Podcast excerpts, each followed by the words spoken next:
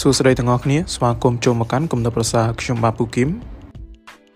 សម្រាប់ប្រធានបទនៅ EP នេះគឺគោលការណ៍ទាំង8សម្រាប់ធ្វើគ្រប់យ៉ាង បាន ប្រសើរជាងមុន ដែលជាអត្ថបទសរសេរឡើងដោយលោក Brad Stolberg មានពាក្យមួយនៅក្នុងសិភៅ bestseller គឺ Principle ដែលនិពន្ធឡើងដោយលោក Ray Dalio ដែលគាត់បានរៀបរាប់ថាគោលការណ៍គឺជាសេចក្តីពិតនៃមូលដ្ឋាន ដែលដើរតួជាមូលដ្ឋានគ្រឹះនៃអកប្បកិរិយាដែលនាំឲ្យអ្នកនៅអ្វីដែលអ្នកចង់បានចេញពីជីវិតដោយនៅក្នុងសភៅនោះផងដែរលោក Ray Dalio គាត់បានផ្ដោតទៅលើជំនាញជាច្រើន ដូចជាការធ្វើសេចក្តីសម្រេចចិត្តវិនិយោគហើយនឹងរៀបចំអង្គភាពជាដើម ហើយសម្រាប់លោក Brad វិញបាទបន្ទាប់ពីអានហើយគាត់ត្រូវបាន inspire យកមកកែច្នៃដើម្បីប្រើប្រាស់ក្នុងជីវិត ហើយក៏ឃើញថាជីវិតរបស់គាត់ក៏ផ្លាស់ប្ដូរទៅរកភាពប្រសើរជាងមុនផងដែរហើយអ្នកទាំងអស់គ្នាក៏អាចយកវាមកប្រើប្រាស់បានដូចគ្នា ដែលវាមានដូចជាគោលការណ៍ទី1 stress បូកនឹងការសម្រាកស្មើនឹងការលូតលាស់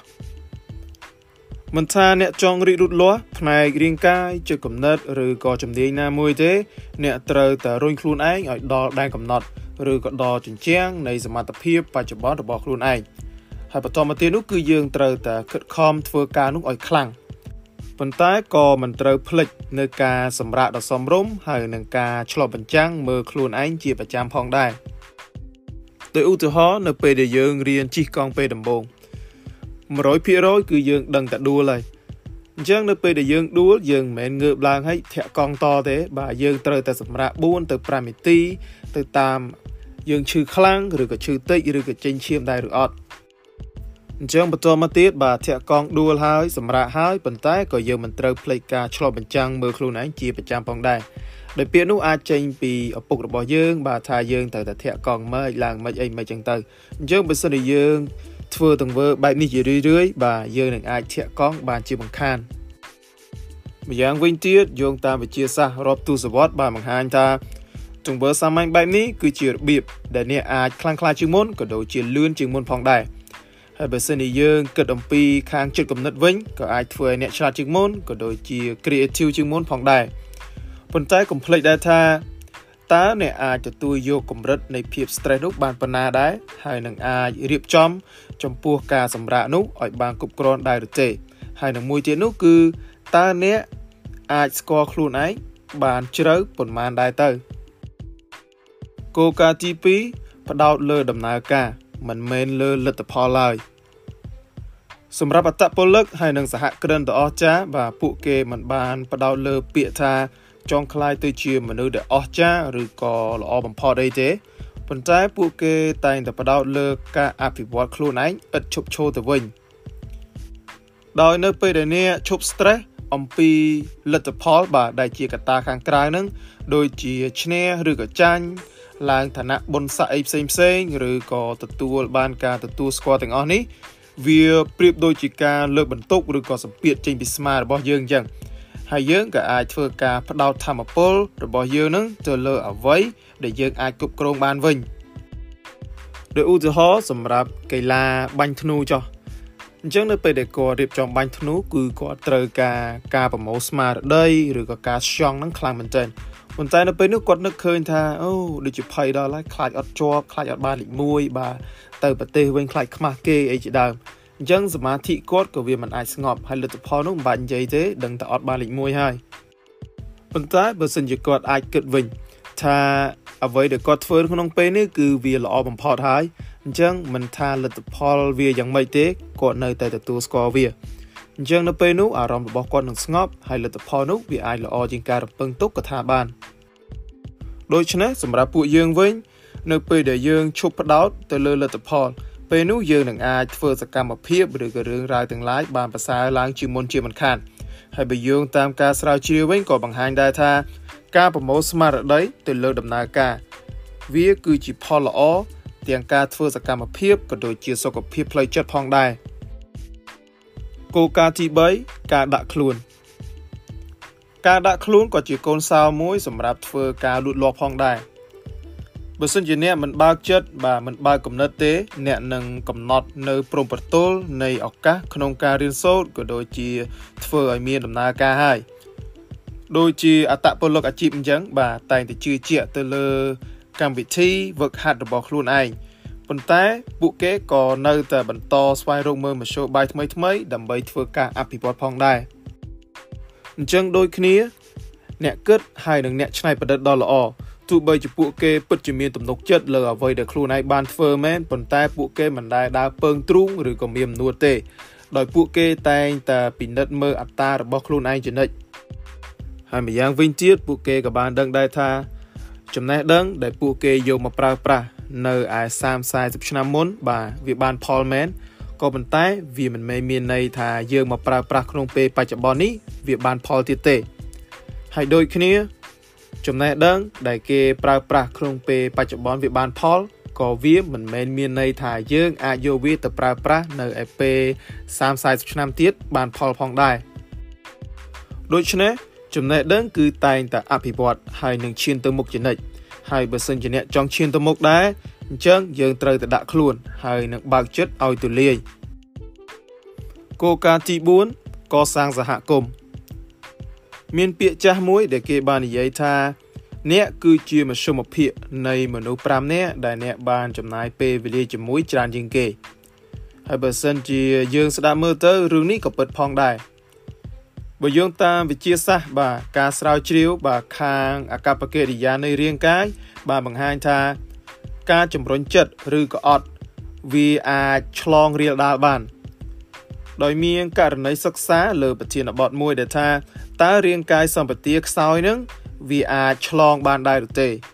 ហើយផុសតាងចំនួនសំណួរនេះនោះគឺបានមកពីមិត្តភ័ក្តិដែលបានចាត់តាំងដោយព្រាវព្រាវហ្នឹងឬក៏យើងហៅថា random ហើយបានឃើញថាជាង70%នៃកម្រិតរាងកាយសម្បទាត្រូវបានកំណត់ដោយមនុស្សដែលយើងបានហាត់ប្រាណជាមួយដោយឧទាហរណ៍បែបងាយងាយបើសិនជាអ្នកដើរជាមួយនឹងពួកមនុស្សដែលចូលចិត្តរស់ស៊ី អញ្ចឹងពួកគេនឹងមានកំណត់ថ្មីថ្មីក៏អាចរកចំណូលបានច្រើនជាងមុនផងដែរហើយបើសិនជាអ្នកដើរជាមួយមនុស្សដែលចូលចិត្តប្រមឹកបាទល្ងាចឡើងហៅគ្នាជួបជុំទៅផឹកស៊ីអីហ្នឹងអញ្ចឹងអ្នកមានតែខ្លាយទៅជាមនុស្សដែលប្រមឹកហើយនឹងចេះផឹកស៊ីដូចគ្នាដូច្នេះ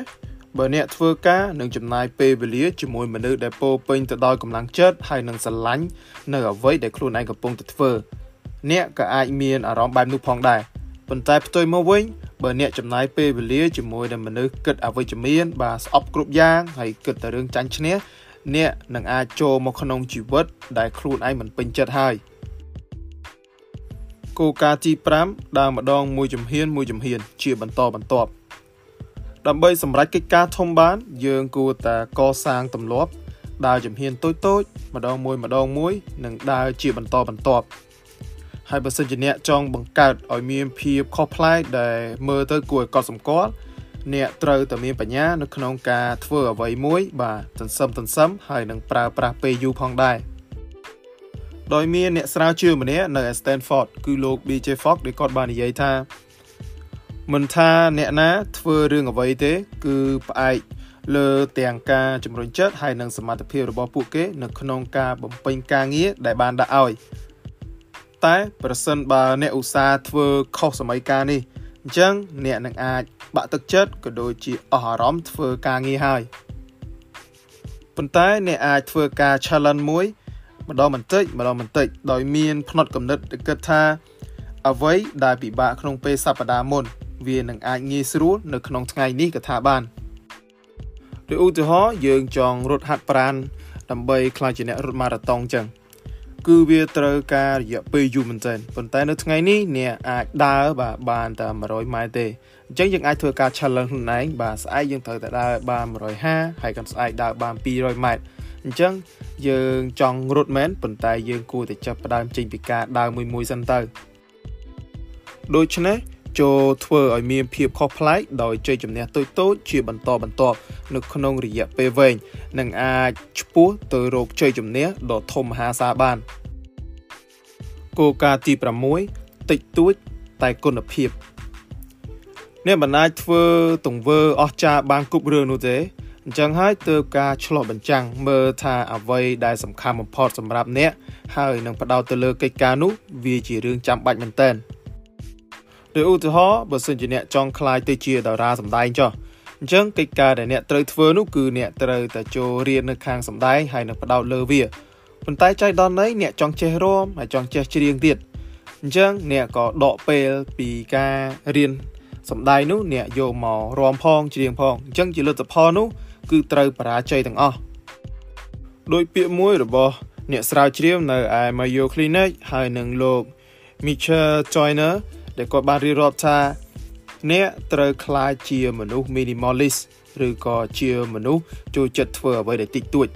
ដើម្បីក្លាយទៅជា maximalist ឬក៏មនុស្សដែលមានអតិបរមាបំផុតឬក៏យើងនិយាយងាយងាយថាគុណភាពនឹងឯង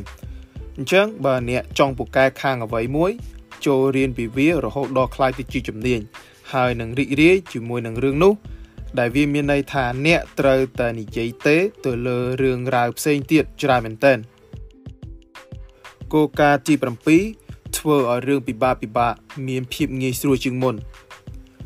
សម្រាប់មនុស្សដែលមានឆន្ទៈនៅក្នុងការធ្វើអ្វីមួយនោះគឺជារឿងល្អហើយប៉ុន្តែគ្រាន់តែការគប់គ្រងខ្លួនឯងនឹងវាដូចជារឿងពិបាកធ្វើខ្លាំងដែរ តែយ៉ាងណាមិញអ្នកអាចធ្វើការ design នៅបរិបទដែលអ្នកចង់បាន សម្រាប់ការធ្វើរឿងពិបាកពិបាកនោះឲ្យមានភាពងាយស្រួលជាងមុនហើយនឹងប្រសើរឡើងជាងមុនផងដែរដោយឧទាហរណ៍អ្នកកំពុងតែធ្វើ project អ្វីមួយដែលវាពិបាកដោយសារតែយើងកំពុងតែធ្វើសុកសុកស្រាប់តែលើសលេងកណ្ដឹងចេញពីទូរស័ព្ទអញ្ចឹងយើងក៏ឆែកមើលទៅបន្តមកទៀតយើងអស់ចុះអស់ឡើងបាទមួយផ្លេត30នាទីបាទ បន្តមកទៀតយើងក៏បែរត្រឡប់មកធ្វើ project វិញបានត្រឹមតែ10នាទីហើយក៏លើសំឡេងទូរស័ព្ទទៀតអញ្ចឹងយើងនឹងធ្វើការអស់ចុះអស់ឡើង30នាទីទៀតអញ្ចឹងសួរថាតើកិច្ចការនោះវាហើយឬក៏អត់ទេចម្លើយនោះប្រហែលជាអត់ទេហើយសម្រាប់ដំណោះស្រាយនៅក្នុងរឿងនេះគឺមានតែកំណត់ពេលវេលាឲ្យច្បាស់លាស់ហើយនឹងបិទទូរស័ព្ទសម្រាប់កម្ចាត់ការរំខានទាំងឡាយដើម្បីឲ្យយើងប្រមូលសមាធិក៏ដូចជាប្រមូលស្មារតីមកធ្វើ project នោះឲ្យហើយ ហើយឧទាហរណ៍មួយទៀតសម្រាប់អ្នកដែលចូលចិត្តញ៉ាំនំនៅពេលយប់វិញដោយសារតែគាត់និយាយថាឃ្លានឬក៏ឃើញនំនៅនឹងមុខហើយដំណោះស្រាយនោះគឺងាយទេបាទឈប់ទិញនំនោះទៀតទៅតាមរយៈការធ្វើដូច្នេះនឹងជួយសម្រួលបានច្រើនផងដែរដូច្នេះចូលកុំគិតតែពីធ្វើយ៉ាងម៉េចទើបបានដល់គោលដៅដែលយើងបានដៅទុក តែយើងគួរតែគិតបន្ថែមអំពីរបៀបដែលយើងនឹង design សម្រាប់រឿងនោះឲ្យវាមានភាពងាយស្រួលជាងមុនផងដែរគោលការណ៍ទី8ចងចាំរឿងសបាយសបាយស្ដាប់មួយផ្លេតដូចជាប្លែកនរណាគេដែលមិនចងចាំរឿងសបាយសបាយអូចម្លើយនោះគឺមានដែរបាទដោយមនុស្សមួយចំនួនត្រូវបានរុញឲ្យខិតខំអភិវឌ្ឍខ្លួនឯងឲ្យបានលូតលាស់ហើយនឹងធ្វើរឿងរ៉ាវផ្សេងផ្សេងជាជំហានជាជំហាន រហូតដល់ពេលខ្លះពួកគេបានភ្លេចអំពីការរស់នៅ ក្នុងបច្ចុប្បន្នឲ្យបានពេញលេញហើយជាពិសេសនោះគឺឱកាសពិសេសពិសេសឬក៏ការអបអរជ័យជំនះតូចតូចផងដែរអញ្ចឹងហើយចូលជៀសវាងបាទចេញពីអន្ទាក់មួយនេះទៅដោយសារតែវាក៏គ្រោះថ្នាក់ផងដែរដោយពាក្យមួយរបស់លោក Adam Grant ដែលជាអ្នកនិពន្ធសៀវភៅ Option B ដែលគាត់បាននិយាយថាពេលវេលាខ្លីៗនៃក្តីរីករាយ វាមិនមែនគ្រាន់តែផ្ដល់ឲ្យយើងនៅក្តីសុខទេប៉ុន្តែវាក៏ផ្ដល់ឲ្យយើងនៅកម្លាំងធម៌ពលផងដែរដោយនៅថ្ងៃណាមួយ នៅពេលដែលជីវិតរបស់យើងកំពុងតែជួបបញ្ហាជាច្រើនឬក៏រឿងរ៉ាវរបស់យើងវាមិនល្អអញ្ចឹងយើងអាចផ្ដេតខ្នងហើយរំលឹកនៅរឿងរ៉ាវទាំងឡាយដែលសបាយរីករាយដែលវាអាចឲ្យយើងនៅធម៌ពលសម្រាប់ងើបឡើងដើរទៅមុខតទៀត។ ជាចុងក្រោយសរុបមកវិញ បន្ទាប់ពីដឹងនៅគោលការណ៍ទាំង8នេះហើយអ្នកទាំងអស់គ្នាប្រហែលជាគិតថាដូចជាមិនសូវជាមានអីអស្ចារ្យទេប៉ុន្តែយ៉ាងណាក្តីបាទពួកវានឹងមានប្រសិទ្ធភាពខ្លាំងផងដែរនៅពេលដែលយើងអនុវត្តទាំងអស់ហ្នឹងរួមរួមគ្នាអញ្ចឹងចូលកសាងពួកវាចូលទៅក្នុងជីវិតរបស់អ្នកហើយពួកវានឹងមកជួយអ្នកវិញហើយរឿងគ្រប់យ៉ាងនឹងល្អប្រសើរឡើងជាងមុនផងដែរដូច្នេះតោះចូលរួមអភិវឌ្ឍខ្លួនឯងមួយថ្ងៃ1% សូមអរគុណពីខ្ញុំពូគឹមសូមជម្រាបលា